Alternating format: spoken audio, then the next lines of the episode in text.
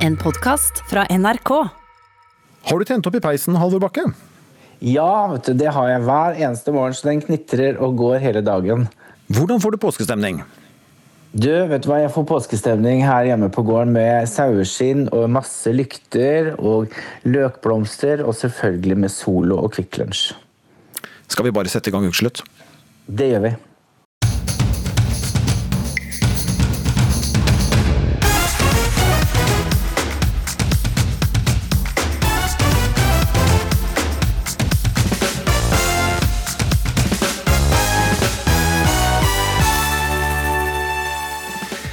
Eventyreren Cecilie Skog jobber nå som sykepleier med koronapasienter. Det hun savner mest, er å gi de syke en god klem. Den dagen hudpleier og frisør åpner, så er jeg den første inn døra, sier stylist og realitykjendis Vita Mashadi. En måned uten stell av hår, hud og negler tar på. Mens artist Kari Svendsen er glad for å ha hytte midt i Oslogryta. Kari Svendsen, hva skal du gjøre i påsken? da? Jo, jeg skal gå fra hytte til hytte.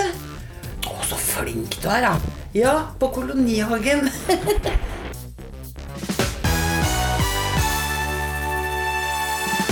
Velkommen til ukeslutt i NRK P1 og P2 på påskeaften. Jeg heter Vidar Sem og blir med deg de neste to timene, hvor vi også får besøk av forfatter Anne B. Ragde, som måtte legge om livet etter at hun fikk hjerneslag i fjor.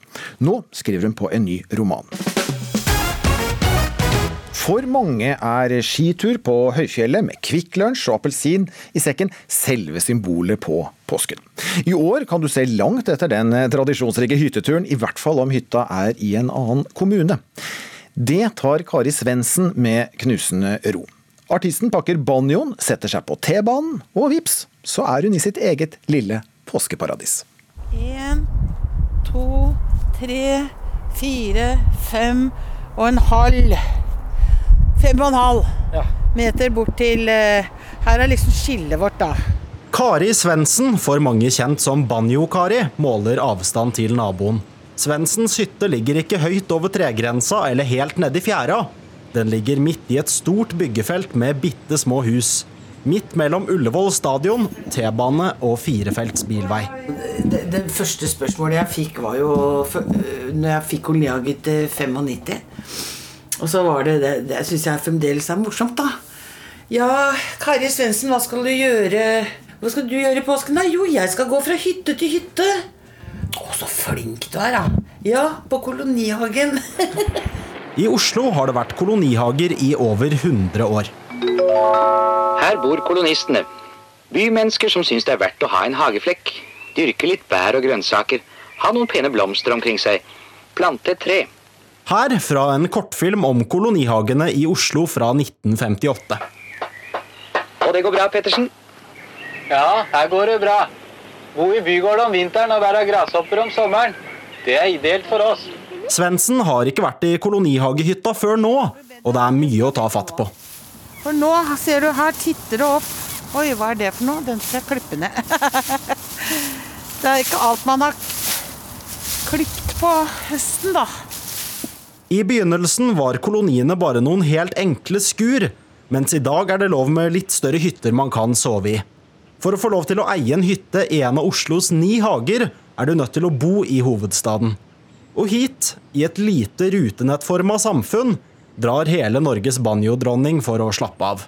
Gå ut og kjenne, sette deg på trammen og ta en kaffe og høre på fuglene og se på det spretter og gror og rote i jorda og, og liksom sånn. Det er, en, eh, det er en tilnærmelse til naturen på en måte. Nå vil kanskje sånne naturfolk le seg i hjel hvis vi, kaller dette for naturen, men, eh, men for meg er det det.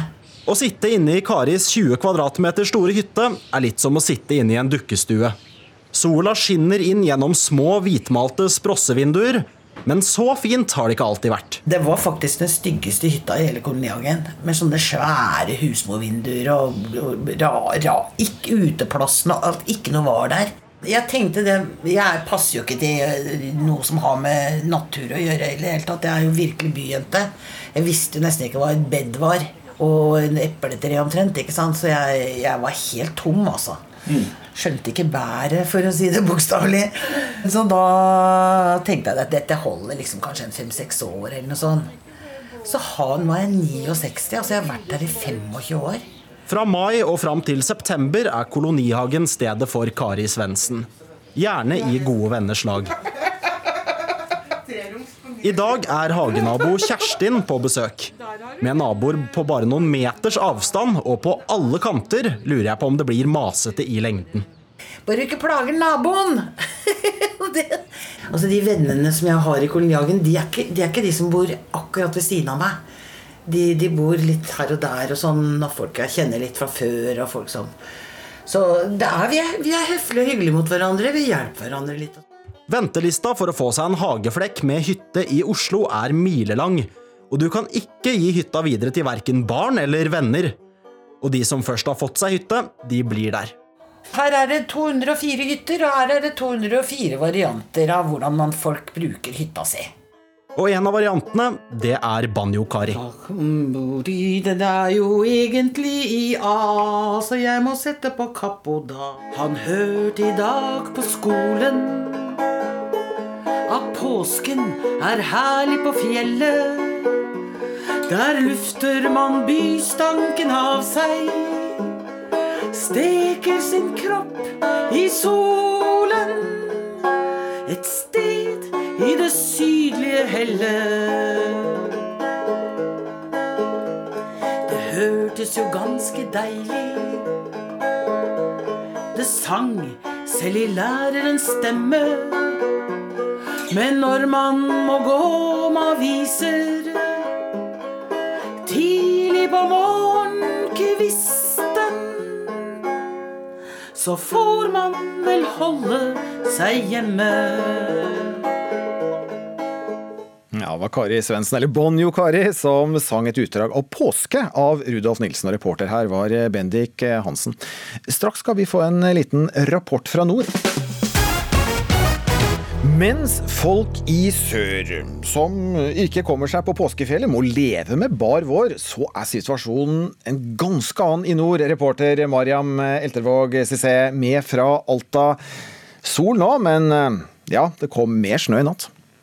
Ja, det begynte å snø ganske godt i natt, så det var jo et ganske fint lag som vi våkna til her i Alta. Og faktisk nå så begynte det å snø igjen, så vi er ganske heldige her oppe i nord som får kommet oss ut og ha skikkelig påske med snø. Ikke sant? Ja, Det er jo litt som man ser det da. Det blir mye brøyting i hvert fall. Har jo sett bilder av brøytebiler med enorme mengder snø de må, må holde på med. Hvor mye snø er det vi snakker om på det meste? Nei, For det meste så har det jo vært flere meter. Jeg møtte på en brøytesjåfør her som sa han hadde ikke sovet i senga si, bare på sofaen den siste tida, for det hadde vært så sinnssykt mye å gjøre med å få vekk all snøen. Og når det først slutter å snø litt, så må de jo få fjerne all den snøen som allerede ligger her. Men det, det lysner også litt. Tydeligvis deilig påskestemning med mye snø, og kanskje ikke så mye stengte veier heller nå, da? Nei, det er jo faktisk litt Eller nesten litt utrolig. Det var to stengte veier i dag, så det, det må vel være noe av det laveste vi har hatt så langt nå. Mm. Og sola titter litt innom imellom, så det, vi, vi, skal ikke klage på været akkurat nå her oppe. Du, Det høres deilig ut. og ja, Mens folk her i lavlandet i sør i hvert fall må ta bena fatt, så er det jo absolutt de store mulighetene for ski hos deg. Er det mange som benytter snøen flittig? Ja, definitivt. Det er folk ute på langrenn i de forskjellige byløypene. Og det er jo muligheter for toppturer alt innenfor Alta kommune, så folk utnytter været til det fulleste. Du, litt, litt misunnelse her fra sør. Bart og gråvær i Oslo i dag, kan jeg melde. Takk skal du ha, reporter Mariam Eltevåg Cissé, med oss fra Alta. Og detaljene rundt vær og trafikken også, det får du på tampen av dagens ukeslutt. Straks skal vi møte han som er kjent for å pusse opp hyttene til folk. Hvordan får Halvor Bakke påskestemning når han nå må være hjemme? Følg med. For mange er det hjemmepåske som gjelder i år, men er det dermed sagt at en ikke kan kose seg? På ingen måte, selvsagt. Designer og hytteoppusser Halvor Bakke, du er hjemme i Stavern. Ja, hva skal til for å skape påskestemningen hos deg? Vet du hva, Den kommer egentlig litt sånn naturlig. For jeg bor på et lite småbruk, og her er det fyr i peisen, det er levende lys. Jeg har en presskanne kaffe klar og Kvikk Lunsj og appelsin Det er liksom litt sånn kosefølelse allikevel. Du og har, god ja, du har alt som skal til, selv om du er hjemme. Ja, har egentlig det, altså. Da gjør gjøre litt det beste ut av det. og Ha litt venner på besøk og grille lam. Og gjøre de der tingene man kanskje egentlig gjør på hytta. da. Kan man gjøre hjemme òg. Ja. Men er det like bra som på hytta? Nei, man har jo lyst til å reise på hytta. For det er noe annet enn det man har hjemme. Ikke sant? Eh, Og man lever litt enklere, og i hvert fall min hytte, som er eh, en del hakk enklere enn der jeg bor, så er det hyggelig å få en annen, eh, en annen type påskefeiring. Ja, og da snakker vi et enkelt liv med utedo og, og, og så videre? Ja, ikke strøm, Ja, ja. eller? Jo, jeg har strøm, Altså, men ikke vann. Og en god gammeldags utedo. Ja, Og den der får du ikke hjemme. Den, den, eh, Nei, den hytteplassen. Nei. skal, skal, skal litt til. Du, eh, Halvor Bakke, du er jo programleder for Eventyrlig oppussing på TV3, og hvor dere pusser altså opp hytter rundt om i landet. Hva er det som er typisk eh, på hytta? Eh, På de hyttene vi pusser opp, så er det nok mye gammelt, og folk har en tendens til å ta med seg alt gammelt ræl på hytta. Eh, av en underlig grunn. Vi tar det på hytta, det er ikke så farlig, men det skal Hvorfor være det? hyggelig på det? hytta. Hvorfor det? Jeg aner ikke at det er en sånn slags samlemani. Det er ufattelig mye dritt vi finner på de hyttene vi pusser opp. Det er gamle avskala serviser, og du kan jo Hvor ofte dekker du til 48 liksom, på hytta? De tar med seg alle serviser opp på hytta eh, av det du ikke liker hjemme. Eller nedsitte i sofaen eller noen grusomme gamle senger og tenker at å, de blir sikkert gode å sove på når de kommer på hytta. Men det gjør de ikke. De er like nedliggende når de kommer fram. Det er kanskje der egentlig oppryddingen skulle vært nå i påsken, da, men Ja. det, det, det, det får vi altså ikke eh, lov til. Eh, eh, noe du har bitt merke deg i, er, er folks plassering av sofaen eh, også i hytta. Hva, hva er det vi gjør feil her? Nei, det, vet du hva, det er helt ufattelig hvor man eh, altså, setter ryggen eh, til sofaen mot eh, vinduet og utsikten, og så nistirrer man inn i en sånn gammel liten gjøtelovn og tenker at dette er toppen av lykke. Her koser vi oss svært. Men jeg ville jo tenkt gjort motsatt, og åpne opp og snudd og se utover den utsikten du faktisk har der du har hytte. Så vi driver og snur sofaer og åpner vinduer og gjør de dobbelt så store i forhold til det de var før. Blir Det det er det ofte. Ja. For de fleste har eh, god utsikt fra hyttevinduet? Mange har jo faktisk det. eh, Og uansett om ikke du har den største utsikten, så er det jo hyggelig å få naturen inn. Ja, du og naturen inn, Halvorbakke, Halvor Bakke. For ofte så maler dere veggene mørke når dere skal pusse opp eh, for eh, folk, og gjerne, gjerne svart. Hvorfor så Ja, dystert et fargevalg? Nei, men vet du, Det er så vakkert. Selvfølgelig, det, eh, er viktig å presisere at hvor hytta ligger hen, det er jo avgjørende for fargevalg. Så ligger hytta i skauen eller på fjellet, ta inn fargene som er ute, gjør det lunt. Men ligger den ytterst på Svaberg, eh, i Stavern eller på Hvaler, da er det jo fint med hvitkalka vegger ikke sant? og en lyseblå sofa. Så clouet er hvor ligger hytta, og så tar man inn de fargene som er på utsida. Ja. Men hvis man har hytte i en sånn tung, mørk granskog, hvorfor skal man da være så Er det ikke da man skal lyse opp inne i huset? Nei, vet du hva? Det er faktisk, jeg mener faktisk ikke det. Nei. Og Det er nettopp det jeg har gjort på min egen hytte. Eh, Boblebu på Minnesund. Den ligger jo midt inne i skauen med utsikt til et lite vann. Eh, og der har vi kjørt på med svart. Svart tak, beisa veggene svarte, kjøkkenet er svart, vinduene er svart, døren er svart, og gulvet er mørkegrønt. Men det er rett og slett ganske hyggelig. Denne påsken så får du verken male eller gjøre noe annet altså med, med hytta. Eh, Hva tror du skjer da med vårt forhold til hytta når det, altså denne påsken har, eh, vært eh, ja, Hytta har nesten vært som en forbudt frukt som har ligget her og lokket i solskinn og kanskje med snedekte vidder rundt, uten at vi har kunnet bo der. Det er forferdelig. Det er som å vifte med et rødt flagg. ikke sant? For vi er jo 75% av Norges befolkning eier eller har tilgang til hytte i nærmeste familie. Vi er en hyttenasjon. Vi elsker hyttene våre. Enten om vi er på fjell eller ved sjøen. Det er liksom noe med det tur eh, og hyttekosen. Det ligger så, eh, så inn, eh, inne i sjelen vår. Så 20. april klokken åtte på morgenen setter jeg meg i bilen og kjører til hytta. Ja, du gjør det? Der er. Ja, rett opp. Jeg har sånn ordentlig sug etter å komme opp på hytta, og det tror jeg helt sikkert veldig mange andre har også. Det kan bli lange køer. altså For den som har fri, da, vel å merke. Det oppheves altså 20. april. Eh, Hva er det første du skal gjøre da når du kommer til hytta? Vet du hva? Det er rett og slett å starte med å beise plattingen. Jeg syns det er så deilig å få gjort, liksom. Da er den liksom klar for sesongen. Lykke til med hytteoppussingen når, når den tid kommer. altså fra 20. april. Halvor Bakke, takk for at du ble med i, i Ukeslutt. Altså hytteoppusser og programleder eh, i TV3, Halvor Bakke. Han investerte stort i personlig trener og hadde endelig sommerkroppen innen rekkevidde. Men så kom koronaen. Kristian Fjellanger vet råd og deler dem her i Ukeslutt. Og musiker Erlend Ropstad syns Spellemannsprisen kan deles ut per post. Rockeren er nominert for sjuende gang og sier han må trene på å se overrasket ut hvis han skulle vinne. Våren er kommet eh, flere steder i landet, og med den kommer kanskje behovet for å vise seg fra sin beste side. Noen vil trene på treningssenter, ordne med hud og hår og stelle seg på håret. Men alt er stengt, og her trengs fortsatt tålmodighet.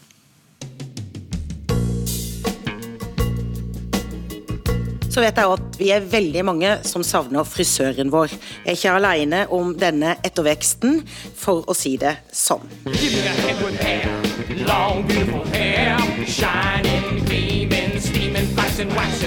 Give me down to there, hair, shoulder length longer. Here, baby, there, mama, everywhere, daddy, daddy. Det ser sikkert helt krise ut, men jeg har ikke med batteri. Nei. Det er bra det blir hjemmekontor en periode.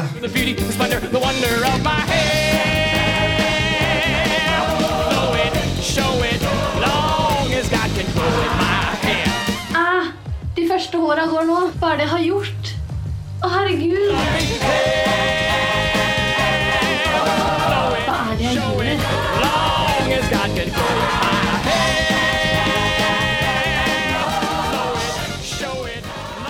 Ja, Statsråd Monica Mæland får som du hørte stadig lenger ettervekst i håret, men holder ut.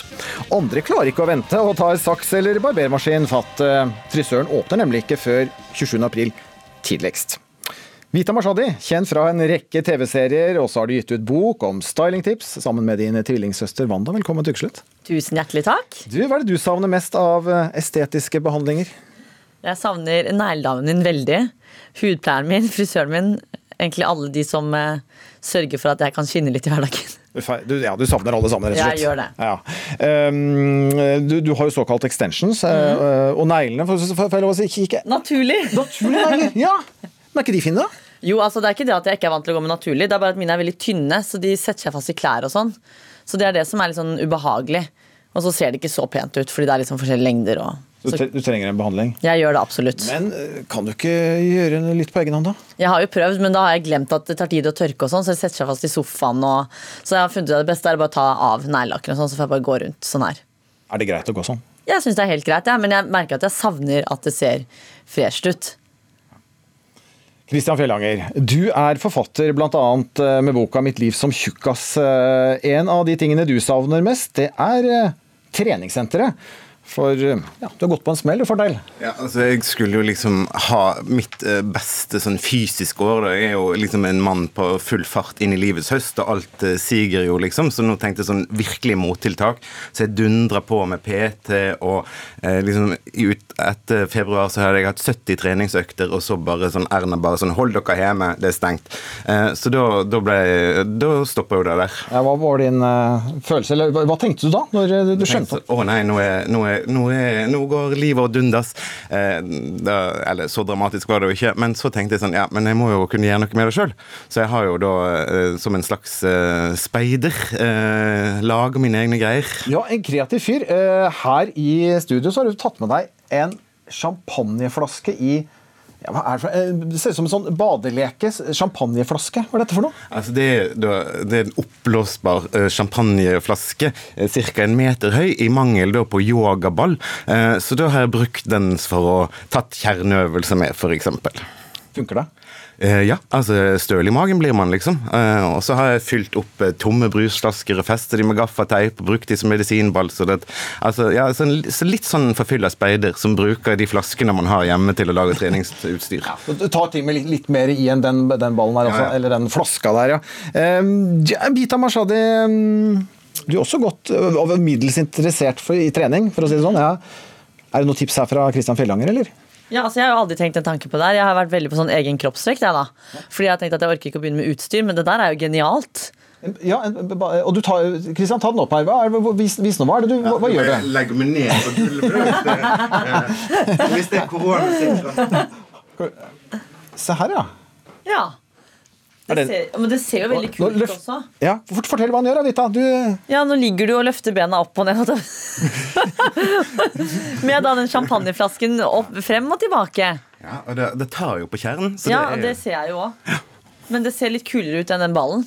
Som i hvert fall hvis han skal ha videoer og legge ut på sosiale medier, for eksempel, da. ja, det er viktig for deg. Det er veldig viktig. Hvordan får du trent, da?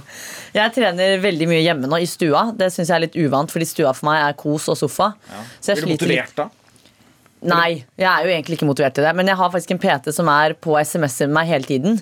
Som motiverer meg og legger inn øvelser, øvelser servert på en app. da.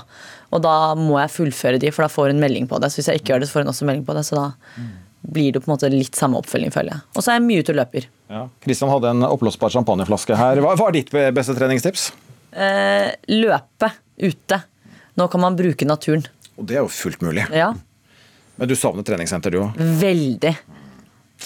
Dere, altså øhm, Frisøren til øhm, justisminister Monica Mæland mener det er bra at statsråden ser øhm, sitat, grusom ut på håret. Og sammenligner det med å ha binders på jakkeslaget under krigen, altså som representerte norsk samhold mot den tyske okkupasjonsmakten. Ja, hva med å, å fremstå litt dårlig, og kanskje få kred for det, Fjellanger?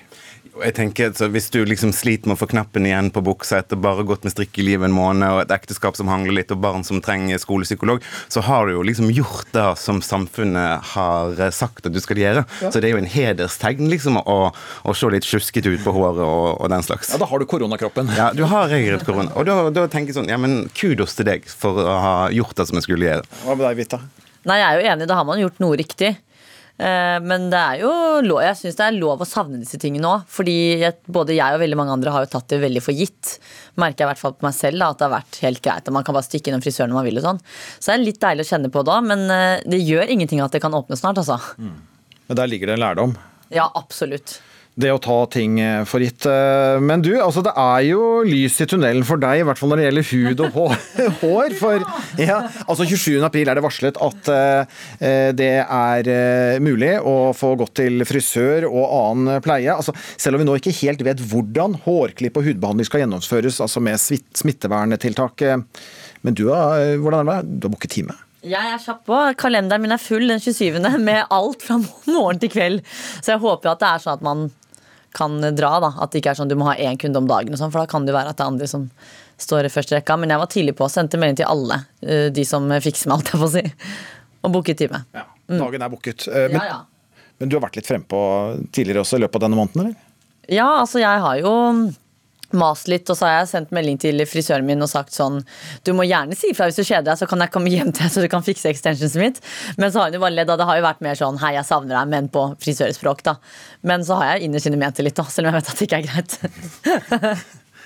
Skjønner. Du, Det lyset i tunnelen som eh, Vita her eh, kan se, det kan ikke du foreløpig se, Kristian Langer. Fjellanger. Fordi altså, treningssentrene de forblir stengt enn så lenge. Men akkurat når jeg gikk bort hit til studio i dag, så kom det en melding fra min personlige trener som sa at nå er det må lov til snart utetrening én til én. Sånn at da, da er det et uh, lys i tunnelen. Men samtidig så er det jo liksom, det er jo mange andre ting som er viktige enn dette, så det, det må jo òg sies. Men, men eh, det er jo bra å, å være i fysisk aktivitet, da. Det er det. Og har du treneren i, i tillegg, og dere kan være ute, Da, så er det ikke så verst. Ja, da, det ordner det seg. Dere, lykke til med hud og hår og negler og sommerkroppen 2020. Hva nå det blir. Takk for at dere ble med ukeslutt på påskeaften. Mita Mashadi og Christian Fjellanger. Straks så skal vi møte artisten Erlend Robstad, som også har møtt på utfordringer den siste måneden. Siden Norge stengte for en måned siden, så har konsert- og teaterscenene måttet finne andre måter å nå ut til folk på. Og nesten hver kveld er det konsert på Facebook, og en av dem har vi også kunnet oppleve deg, artist Erlend Ropstad. Velkommen til Ukeslutt. Takk skal du ha. Ja. Hvordan er det å spille uten publikum? Det er veldig, det er veldig rart.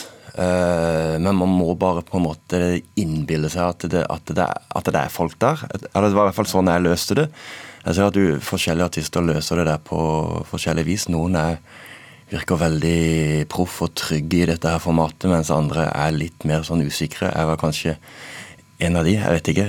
Det er, det er, det er en merkelig situasjon å stå og spille ute i et sånt vakuum på et vis, da. Hva er det du kjenner da, eh, som artist inni deg? Nei, jeg, jeg, jeg prøver å hente fram liksom, om, det, om det ligner litt på TV-studioformatet, men det gjør det egentlig ikke.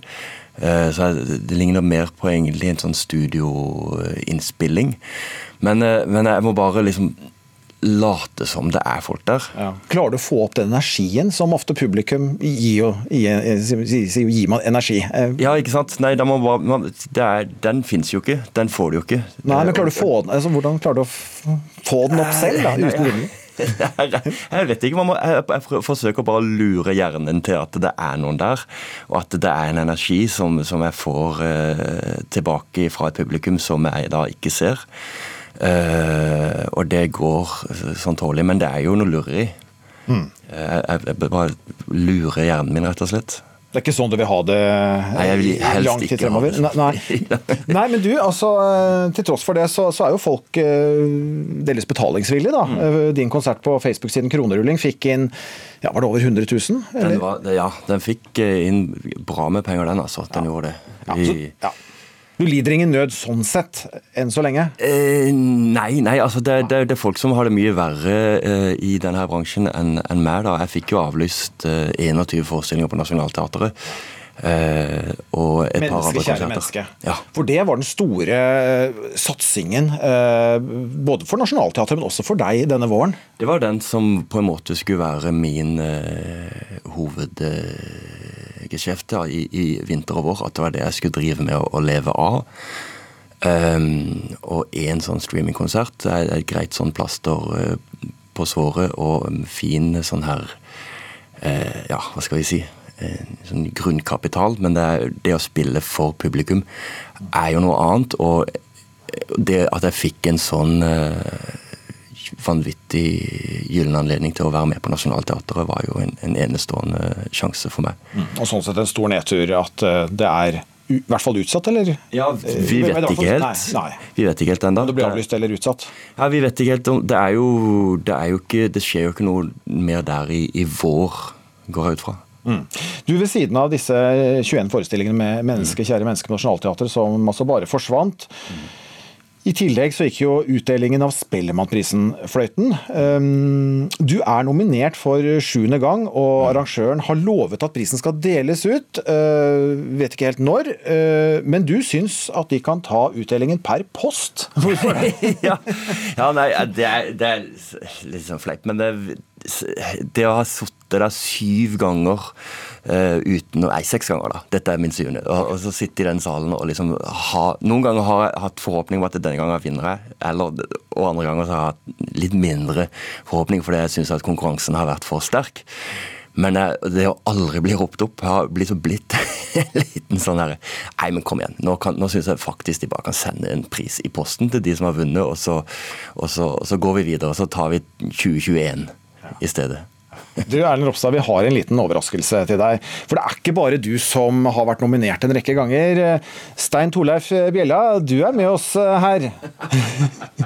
Det stemmer. Ja, hei, du. Jeg her, ja. Du har riktignok vunnet Spellemannsprisen i, i, i 2011, men du har delt skjebne med Ropstad med å være altså, evig nominert, og er det vel hele ni ganger.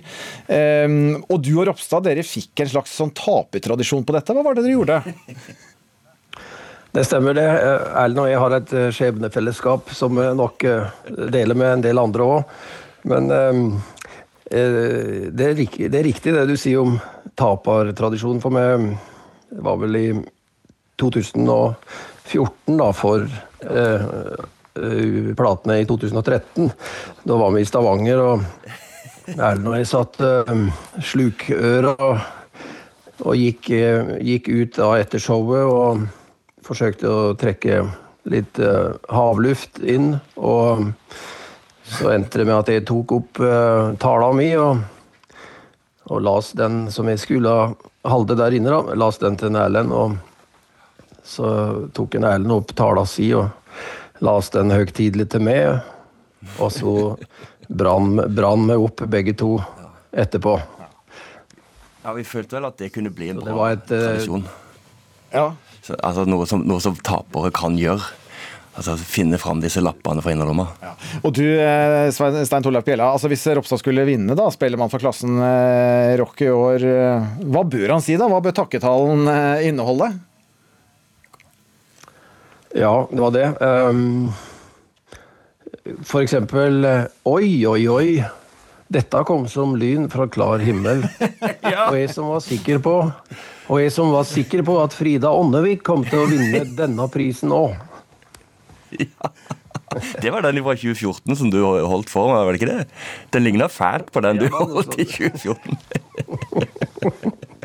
Hva syns du? Ja, uh, Nei, jeg veit ikke hvorfor Musikere er kanskje ikke så glad i å konkurrere. ikke sant? Det er jo ikke de som var best i stille lengde. Det er um, mer taperskalla enn vinnerskalla, men når, når du sitter i salen der, så, så er det et eller annet som skjer. Jeg tror det. hva syns du om eh, støtten og tipset fra Ål i Hallingdal her, da, Ropstad? Nei, det, det, er, det er vakkert. Jeg syns det, jeg synes det er nydelig. Vi, vi, det, er jo ikke, det er jo ikke en konkurranse. Det er, det, for det er litt sånn paradoksalt, hele greia. Det føles jo ikke sånn.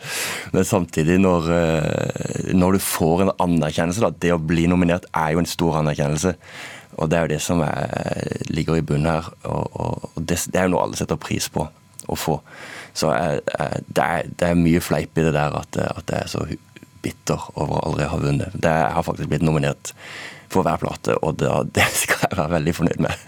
Det er ikke så verst bare det, men det. eh, du har altså en mulighet eh, for å vinne i år når denne prisen en eller annen gang kommer. Altså, Vi vet som sagt ikke når, når den deles ut. Showet ble, skulle vært sendt for to uker siden på TV. Eh, Det ble altså avlyst. Vi får, vi får krysse fingrene, Erlend Ropstad. Eh, Du skal få lov til å avslutte med en helt ny låt du har eh, kommet med. Ja. Ja, Hva heter den? Det er en sang som heter uh, 'Det er vår stillhet jeg behøver'. Jeg har brukt litt av den her uh, nedetida på livefronten til å spille inn ny musikk, så jeg tok med en av de låtene der. Vær så god. Studio. Scenen er din, får vi si. Her i eh, studio på Marienlyst. Mens du gjør deg klar, så vil jeg også takke Stein Torleif Fjella for at du ble med oss fra Ål i Hallingdal. Nå er Ropstad klar. Vær så god.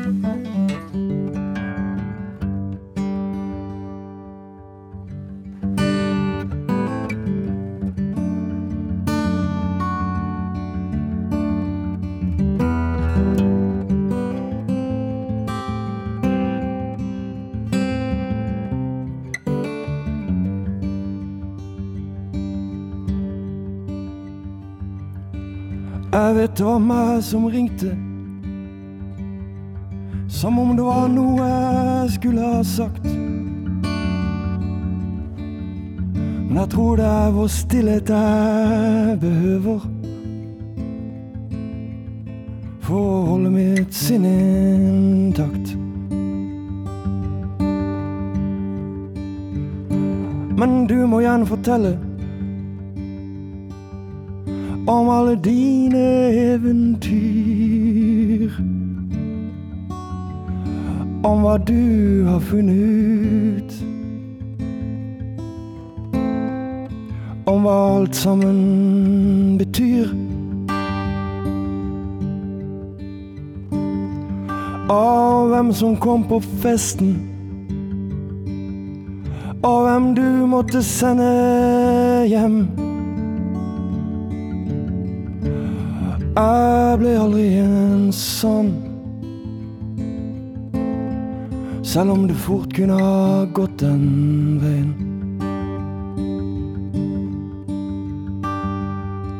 Og det er sikkert lett å tro at om jeg skulle dukke opp At det betyr noe mer.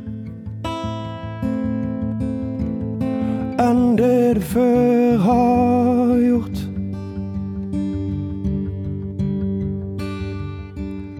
Kanskje det er ly for regnet. Kanskje det er et batteri som har gått tomt. Kanskje det er noe bra.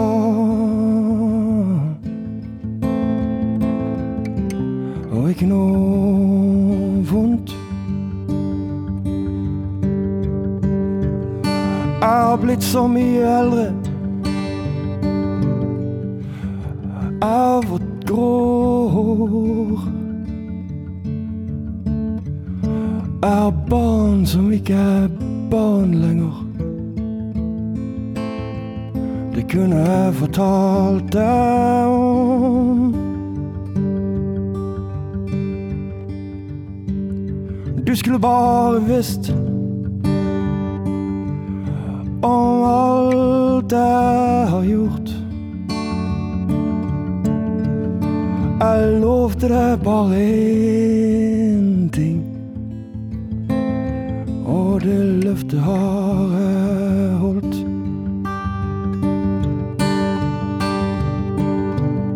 Dette bandet er et kraftverk.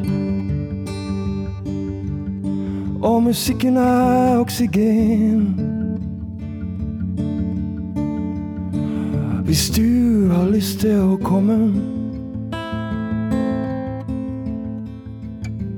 Det er ikke for sent. Så lenge vi holder himmelen her nede et sted. Nå skal jeg være stille. Nå skal jeg gi deg fred. Tusen takk, Erlend Ropstad. Og eh, takk for at du ble med i Ukeslutt eh, på påskeaften, eh, Erlend Ropstad. altså. Om litt så skal vi eh, på tur, på kortreist tur med to av våre mest kjente eventyrere. Cecilie Skog møter Lars Monsen i Ukeslutt. Og de som er vant til høye topper og store vidder, må la eventyrlysten ligge i koronaro. I hvert fall nesten. Men nå har klokken passert 13, og vi skal ha en nyhetsoppdatering. Og hvordan er smittesituasjonen her i landet nå, Anders Borgen Werring? Ja, Det meldes om et nytt dødsfall her i landet i dag. En pasient med covid-19-sykdom døde i natt på Akershus universitetssykehus på Lørenskog. og Det betyr at det nå er bekreftet 114 dødsfall i Norge knyttet til koronasmitte. 214 mennesker er innlagt på sykehus, og det er 20 færre enn i går. Andelen som får respiratorbehandling faller også. Nå er det 64 pasienter i respirator, og det er det laveste antallet siden onsdag 25. mars. Sverige har valgt en litt annen strategi enn Norge når det gjelder smitteverntiltak. Og nå antydes det at beredskapen ikke har vært god nok der. Beredskapen har ikke vært tilstrekkelig. Det er åpenbart for alle. Det sa den svenske statsministeren Stefan Löfven i et intervju med SVT i formiddag. Og nå skal den svenske statsministeren se på hva de kunne gjort annerledes. Dødstallene der er jo som kjent mye høyere enn i Norge. 870 personer har mistet livet i Sverige etter å ha fått påvist virussmitten, opplyser svenske folkehelsemyndigheter. Ellers så kan vi jo ta med noe som må tolkes som litt gode nyheter, da. Og det er at det meldes om at en koronavaksine kan være klar allerede i september. Det er britiske forskere som sier dette her nå, og de er 80% sikre på at vaksinen kommer til å virke, skriver The Times. Forsøk på mennesker skal starte opp allerede de neste to ukene, ifølge universitetet i Oxford. Mm. Det var nyhetsoppdateringene. Takk skal du ha, Anders Borgen Werring. Lars Monsen, velkommen hit. Tusen takk. Ja, du For bare få minutter siden, fem minutter siden faktisk, så avsluttet du en to timer lang TV-sending som er kalt Hjemmekamp Monsen. Og som sendes hver, hver dag fra skjærtorsdag til andre påskedag på NRK2. Du har litt energi igjen til å være med? ja, ja, ja. Det går så bra, så kjør på. Du, Her har vi et lite kutt fra den der første sendingen du hadde.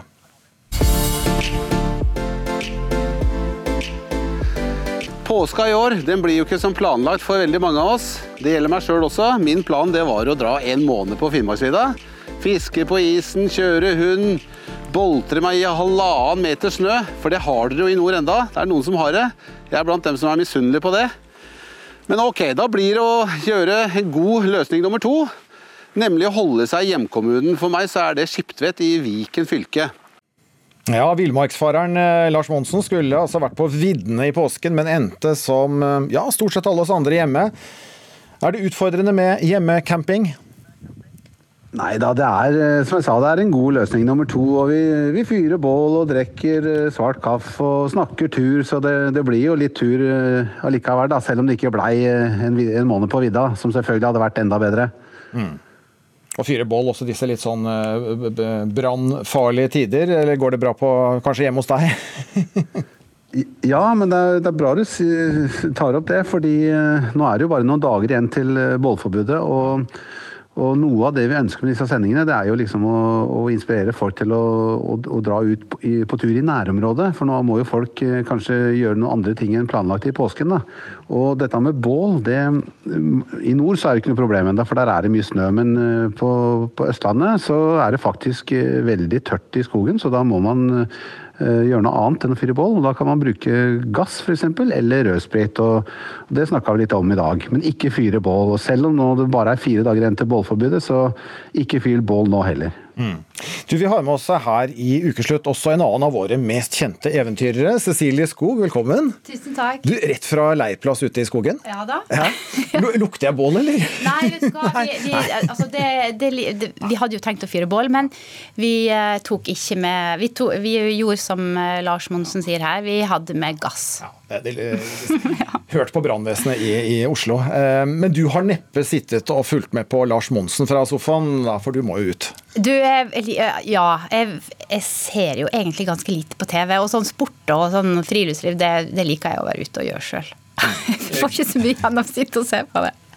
Du hadde kanskje ikke regnet med Lars Monsen å få Cecilie Skog som en eh, TV-titter? Nei da, men Cecilie hun er fornuftig. vet du. Hun drar på tur sjøl, ute hele tida. Men hvis det var noe jeg skulle sett på TV, så var det Lars Monsen. Mm. Hva er det mest positive med kortreist tur for deg, Cecilie Skog? Nei, du, jeg driver jo veldig mye med det eh, Altså har gjort de siste fem åra. Eh, Etter jeg fikk eh, barn, så, så har jo turene mine stort sett handla om å dra veldig kort. Eh, Vi går 800 meter til barnehagen. Mm.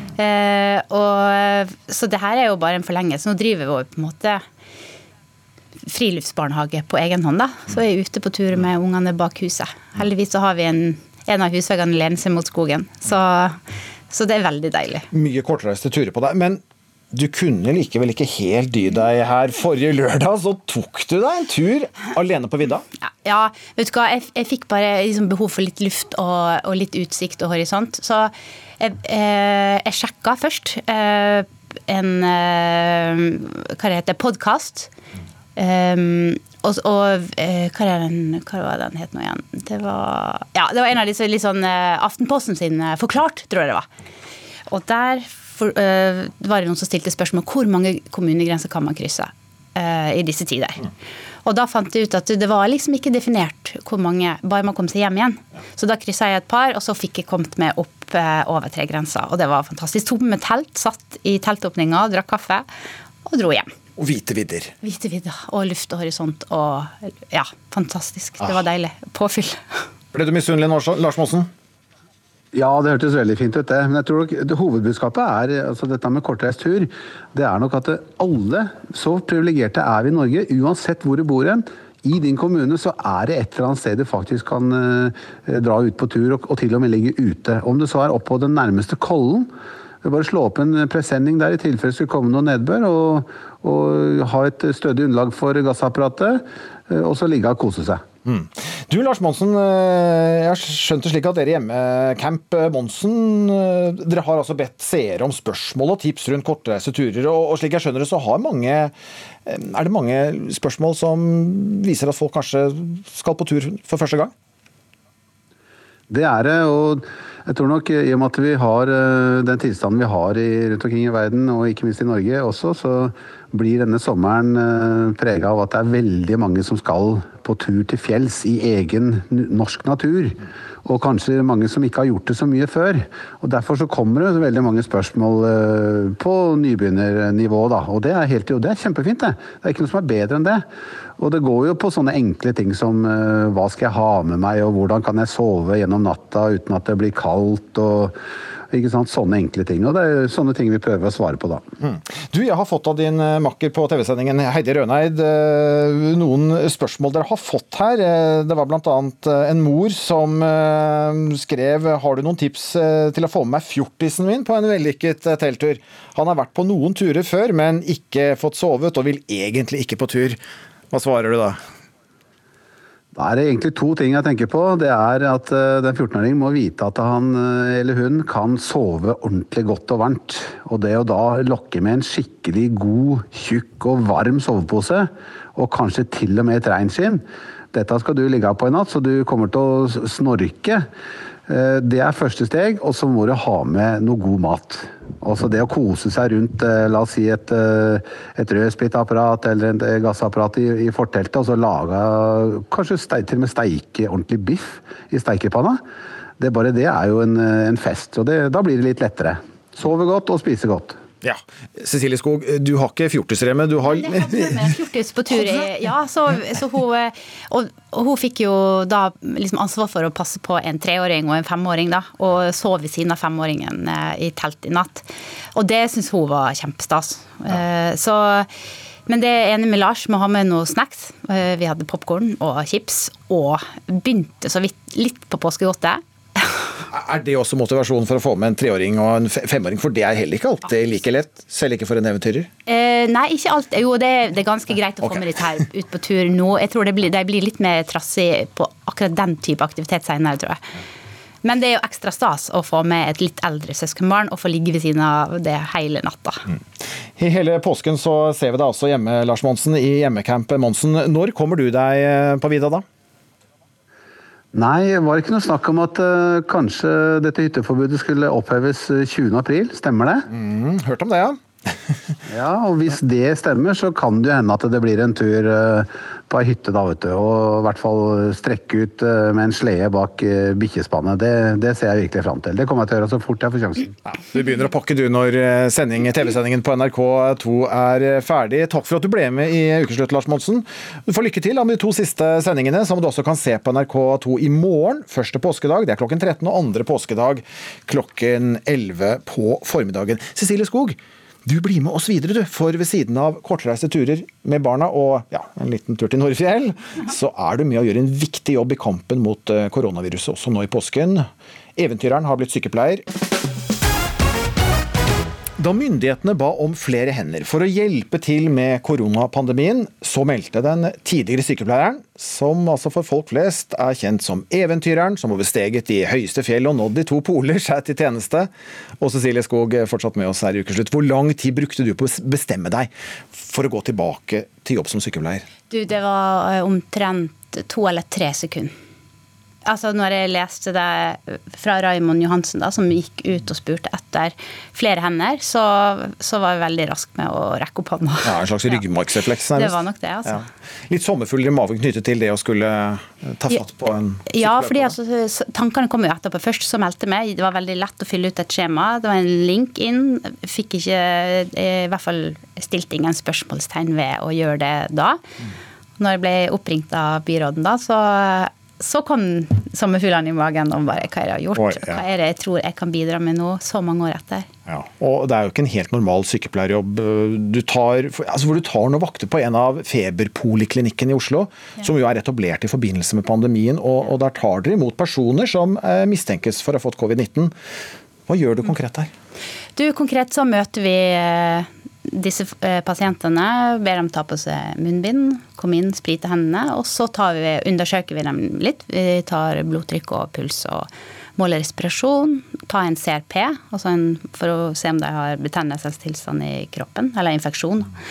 Eh, og, eh, og så tar vi på de fleste tar vi også en test, en koronatest, for å se om de har avdekket covid-19. Og så kommer de inn til legen. ja. Ja. Hva opplever du som det mest utfordrende ved den jobben? Det, det mest utfordrende, og det jeg kanskje var minst forberedt på, det var at uh, altså Når jeg har tenkt på yrket mitt, da har jeg ofte savna yrket mitt. Jeg har savna yrket mitt, savna kollegaer. Men det jeg var minst forberedt på, var at, øh, at, øh, at den kontakten med pasientene ikke er så lett å opprette når man står i fullt smittevernutstyr og ikke kan ta på pasienten. Så, så der er også en ryggmargsrefleks at du på en måte har lyst til å måte holde dem i hånda. Det kommer jo kanskje medtatt og engstelig øh, og, og ja, påvirka av den situasjonen de er i. da. Så du har lyst til å ta vare på dem, og det mest nærliggende er jo å roe dem, ta dem i hånda ta på dem. Men det kan vi ikke gjøre. Gi gjøre. en klem? Gi dem en klem. sant? Ja. Eh, har, du, har det vært noen episoder hvor eh, du tenker at oi, her gjorde jeg ikke helt som jeg skulle? Ja, og, særlig i starten, når, jeg- når jeg er utrent. Nå er jeg jo fremdeles i starten, sånn sett. Ja, For det har bare holdt på en, en u, par uker, par uker ja, snart. Ja. nå. Mm. Eh, men en av de, den første vakta, tror jeg faktisk det var, så møter jeg ei dame som skal ta på seg munnbind, og så fomla hun med munnbind og mista det. Eh, og jeg har feber og er er syk. Eh, og dette her må de klare sjøl, da. Men det jeg gjør, det er at jeg tar opp munnbindet og tar det på, da. Og gjør meg sjøl urein. Og må på en måte skifte, da. Ja. Og gjøre det på nytt. Så akkurat i den situasjonen så så kom jeg jo akkurat disse tankene hva jeg trodde, hva jeg trodde jeg kunne bidra med. Altså Jeg er jo en dominobrikke oppi dette her og istedenfor å hjelpe. Men så er det å gjennomgå, prøve, da. Prøve igjen. Og så nå, nå sitter det litt uh, bedre. Mm, ikke sant, For det du, du har lært til, eller også så, som menneske, altså det ja. å trå til der det trengs, det er ikke alltid man kan når man har med så strenge Nei, da må man ha den tanken i hodet hele tida. Mm. Hva man gjør, og hva man tar på, og sprite seg. Og, så det er veldig strenge eh, smitteregime. Mm. Er det veldig forskjell på, på de som kommer der, eh, menn eh, versus kvinner f.eks.? Eh, det er Altså, det det, det jeg sier, altså Menn syns den testen er litt vondere enn kvinner ofte. Ja, at De får liksom kanskje litt lettere brekning ellers. ja, ja. Er det vondere, eller er de føler vondere, eller tåler mindre, eller? ja, det er vanskelig å påstå det, da. Men uh, vi kan på en måte stå ja, for er, Jeg har hørt at den, den er vond. Ja, den er ubehagelig, og de, aller fleste syns jo den er ubehagelig. Du roter litt liksom langt bak i nesesvelg, og at det, det, er lett å brekke seg da.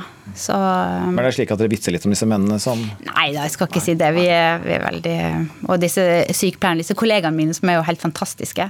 Det, det, det, er ikke vitsing om det, men, men, det er jo vel litt sånn generelt at man tenker at eh, menn har litt lavere smerteterskel. Mm. Av en grunn, da. Ja. Fikk vi den. Men ja, ja, ja da. Men, eh, men, men ja, det, du, du spurte om det. Men dere tar selvfølgelig alle, eh, tar alle, alle pasienter på alvor. Ja da. Ja, det, det, med et smil. Og vi smiler alt vi kan over dette her eh, munnbindet. Ikke sant. Skjønner. Det er viktig å kunne smile. Du, Cecilie Skog, er du selv redd for å bli smittet? Bare så redd så at, som jeg må være for å utføre den jobben trygt. Ja, så ikke, ikke så bekymret, men ja, kanskje ikke så bekymret for korona, men, men, holder jeg deg lenger her i studio nå, så tror jeg kanskje du blir litt bekymret for om påskeharen får lagt ut egg i år? Ja, ikke sant. For nå sitter det to små krølltopper hjemme og venter på at påskeharen skal ha kommet på besøk. Og det blir eggjakt nå? Nå blir det eggjakt. Lykke til med eggejakten og fortsatt god påske. Og takk for at du kom til ukeslutt, Cecilie Skog. Tusen takk. Tusen takk for meg. God påske. I dag er det 50 år siden Apollo 13 ble skutt opp i rommet. Men på sin vei til månen gikk noe fryktelig galt, og det ble en dramatisk hjemferd du får høre mer om i den kommende halvtimen her i Ukeslutt. Og så har Anne B. Ragde gjort seg klar for en prat. Du hører henne om eh, knappe tre minutter. I juli i fjor eh, fikk vår neste gjest hjerneslag. Mens den siste boken hennes klatret oppover bestselgerlistene, var forfatteren på rehabilitering for å gjenfinne språket og komme tilbake til sitt vante jeg. Velkommen til ukeslutt, Anne B. Ragde. Takk for det. takk for det. Du sier du er i mye bedre form nå enn du var før eh, hjerneslaget. Hva har du gjort for å komme dit? Nei, det har jo bare blitt sånn, for jeg trener jo nå og, og øh, røyker ikke lenger. Og jeg har ikke røyka siden dagen før slaget, da. Og, øh, har du savnet røyken, da? Har du savnet røyken? Eh, ja, det gjør jeg sikkert hvis jeg tenker meg om. Men det er, så, det er så urealistisk at jeg skal røyke. Når du har fått slag, så skal du ikke røyke. Nei, at jeg vil ikke tenke på det. Eh, nei, det er noen, det mange som røyka utpå her, altså. På, um, der som jeg var, på Husnes. Mm. Men eh, for meg var det helt uaktuelt å røyke da.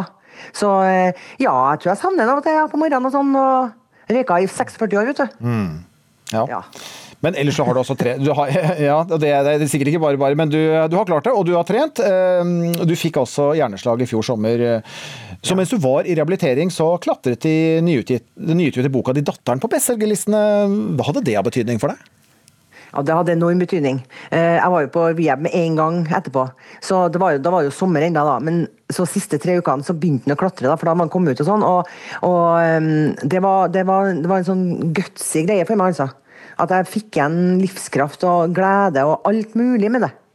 Det hadde så mye å si. For at jeg, jeg hadde skrevet ferdig den i april i fjor. Og det var liksom hele sommeren Alt handler om at boka som skal ut, da. Og, og så liksom når jeg opplevde da det er fantastisk at den klatra, og uten at jeg trengte å være noen plass. Jeg reiser jo, jeg, Vanligvis reiser jeg jo fra morgen til kveld hele høsten. Og så har ikke jeg gjort det, vet du. Og så har han klatra lell! Det har jeg lært noe av, altså. Mm. Og, og I fjor høst så, så vi det under presentasjonen av boken uh, i Trondheim, hvor både du og publikum gråt. Eh, Ja, det var den eneste gangen jeg hadde noen greier i fjor. Så det var liksom, Og så var det så masse folk, ute, det var så mye folk, og eh, det var mange som ikke kom inn. Og, og de satt med tårer i øynene og sånn, og det var sterkt, altså. Veldig, veldig sterkt. For når du har, når du har hjerneslag, så er du i dødens forgård, altså. Og mm, du vet ikke hvordan det kommer til å gå heller første tida. For du vet ikke hvor fort du kommer deg på hotene igjen. Sånn at eh, det, var jo, det og veldig skummelt å få hjerneslag, da. Det sier seg sjøl. Veldig, veldig skummelt. Så eh, jeg lærte meg, jeg lærte meg hvordan det er å nesten dø. Og så lærte jeg meg hvordan det er å, å være redd for å dø. Ikke være redd for å dø, men ha det som en realitet i bakhodet. Det har jeg lært meg nå. For det trodde jeg jo at jeg visste alt om på forhånd òg. Når jeg var forfatter og lever meg inn i ting og, og skrevet masse om døden. sant? Så tenkte jeg jo at jeg visste hvordan det var å, å vite hvordan det er å dø. At du skal dø. Men øh, det har jeg lært meg nå. Det lærte jeg meg 4. juli i fjor. Du måtte jo finne tilbake til språket. Eh, Ja, hva har du gjort for å få like eh, rikholdig vokabular som før? Så hører jeg deg nå, så, så snakker du som, som bare det? Som om ingenting Ja, skulle det ha er ikke helt, det er ikke helt på topp. Nei, jeg bytter ut litt ord, og sånn, for jeg kommer ikke på det i farten. og sånn. Så det er er, ja, 97, vil jeg si. Ja. Hva har du gjort, da? Nei, jeg har jeg begynte å lese veldig mye. Da jeg var på rehaben, så begynte jeg å lese. Og, og leste og leste og leste, leste hele tida. Og jeg leste mer enn jeg snakka, altså.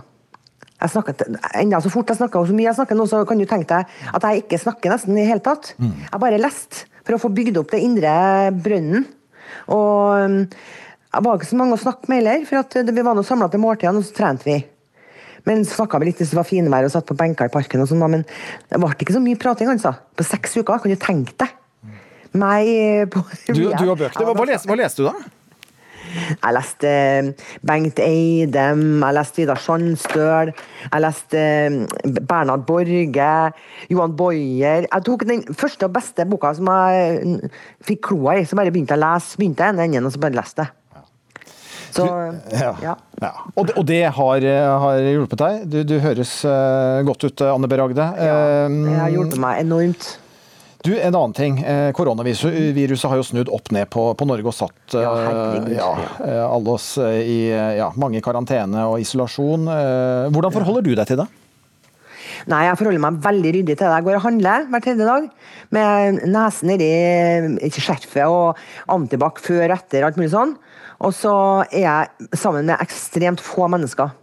Så jeg omgås ingen som ikke liksom, jeg vet alt om, altså. Hvor de har vært den, og hvor de har stukket snuten sin inn igjen. Så at jeg har oversikten. Men du jeg er jo bedre form nå vet du, enn hva jeg var før jeg fikk slaget.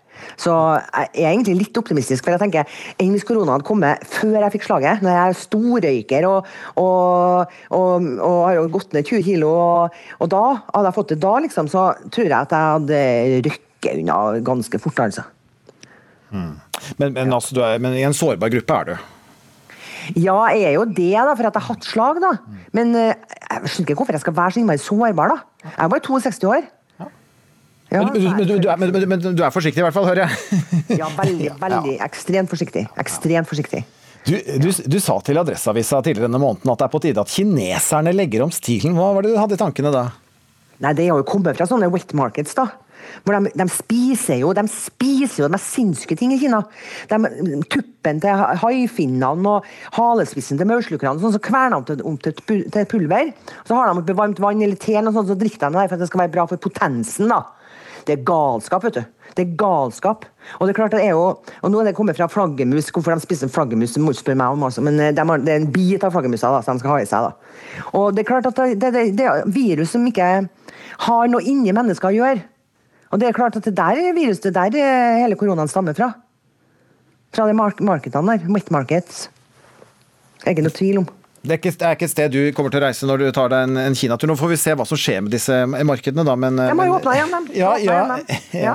Blir ikke noe flaggermusmåltid på Anne B. Ragde, i hvert fall. Nei, det blir det ikke. Nei. Du, Det virker jo som du er like produktiv som før. Du har akkurat levert manus til en dagbok, eh, antologi, og så skriver du også på en ny eh, roman. Hvordan går det?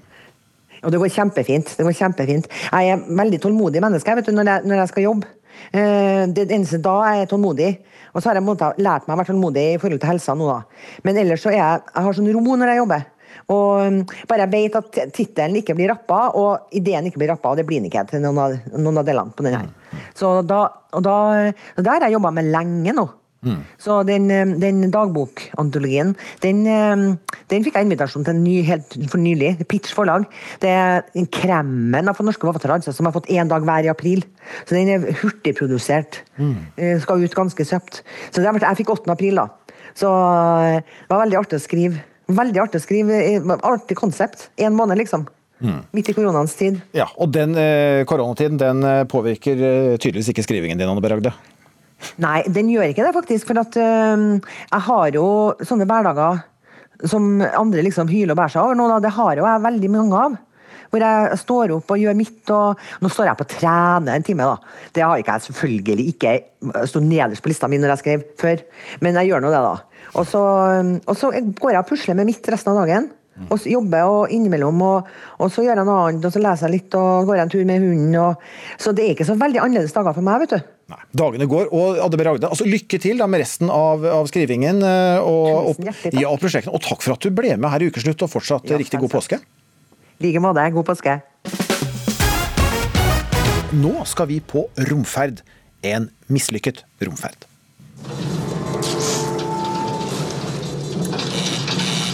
Hey, we've got a problem here. Uh, this is Houston. Uh, say again, please. Houston, we have a problem.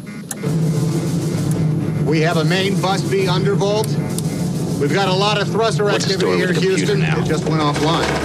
Oh, there's another master alarm, Houston. I'm checking the quad. Christ, there was no repress baby. Dette er fra filmen Apollo 13 fra 1995 med Tom Hanks i en av hovedrollene. En eh, filmatisering av det som skjedde i 1970. Da det som skulle være den tredje månelandingsferden i det amerikanske romprogrammet mislyktes og var nær ved å ende i katastrofe.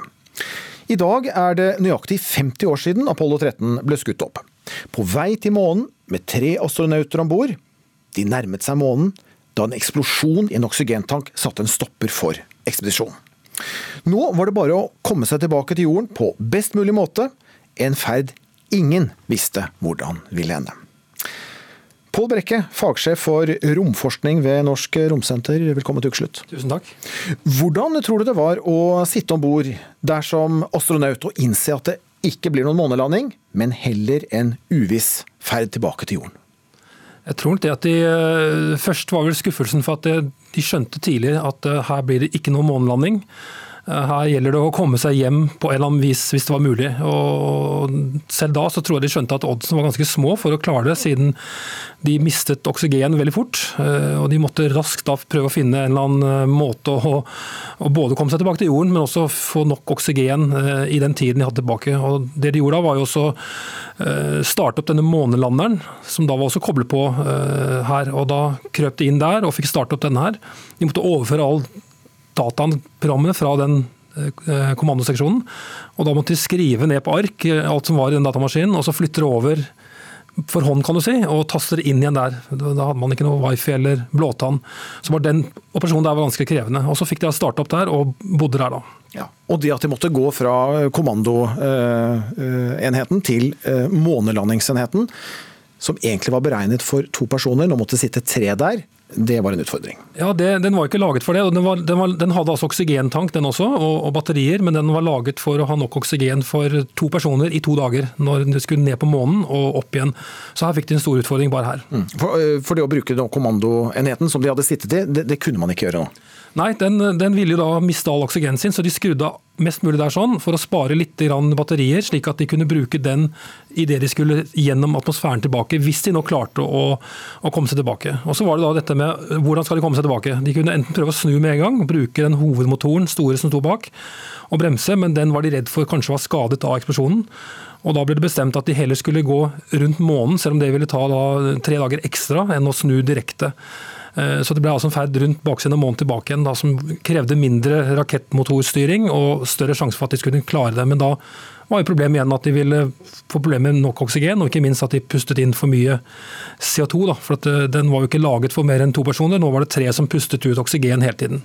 Og, altså CO2, ja, og knappen for den, den blinket eh, alarmerende, og da måtte man være kreativ.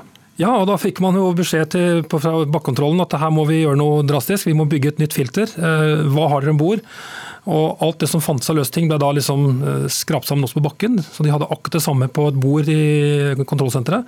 Og så fikk da ingeniørene beskjed om at nå har dere én time på å bygge et rundt filter som passer i månelandinga. Og det klarte de med duct tape og ledninger og slanger og, og stikninger. Så de reddet da livet til disse herre hjemmesnekra filter i, i, full fart. Ja, ja og, det, det en, og, dette er jo veldig beskrevet veldig godt i den filmen også, hvordan de, de slet med å få til dette, men de, de, klarte å løse problemet. Mm. Men andre problemet var jo at de måtte skru av all varme og sånt, så det var jo nesten null grader inni der i, i fire dager. Så de holdt jo på å fryse eh, seg i hjel, og de gikk jo ned masse kilo. Og jeg fikk urinveisinfeksjon. Ja, og nyre problemer. Heise fikk jo problemer og ble jo veldig syk der oppe. Så det, det var så vidt dette holdt. Mm. Og så måtte de tilbake fra månelandingsenheten tilbake til denne her kommandoenheten fordi man skulle inn i jordens atmosfære. Eh, og eh, da måtte det slås på igjen. Ja, det var også vanskelig, for at man, også, man satt der helt til, til ca. en time eller noe, noen timer før man skulle inn i atmosfæren. og Da hadde man også måttet justere kursen litt. For hvis man da traff jordatmosfæren for flatt, kan du si, så vil du bare sprette ut i verdensrommet og, og forsvinne. forsvinne for alltid. Eller for bratt, så vil du brenne opp. Så de måtte også sikte veldig godt. og, og dette her. Men så måtte de da tilbake til denne kommandoseksjonen, for den hadde et varmeskjold. Mens de hadde ikke månelanderen, så de kunne ikke lande eller gå inn i atmosfæren med månelanderen. Da ville de bli brent opp? Da ville de brent opp. Mm. Og så var jo spørsmålet var varmeskjoldet fremdeles intakt. Det visste de heller ikke. Og, så måtte de kaste fra seg også servicemodulen, og da fikk de også se skadene for første gang. Men så var det da rase inn atmosfæren og håpe for at dette varmeskjoldet da eh, fremdeles holdt i, i live. Denne eh, måneekspedisjonen var eh, jo nærmest å regne som et rutineoppdrag etter to vellykkede månelandinger med Apollo 11 og Apollo 12. Så selve oppskytingen ble ikke dekket noe særlig. Det var jo først da det ble klart at ferden var mislykket og kunne ende i en katastrofe, at en hel verden fulgte med i spenning. Og her skal vi høre NRKs daværende korrespondent i USA, Ole Kristian Lagesen, rapportere om en lykkelig slutt. Apollo 13-ferden er over. De tre trette, skjeggete og usedvanlig smilende romfarerne Lovell, Hayes og Schweigert er trygt om bord på hangarskipet i Wojima, og alle puster lettet ut etter den mest dramatiske romferden til nå. Det gikk altså bra til slutt?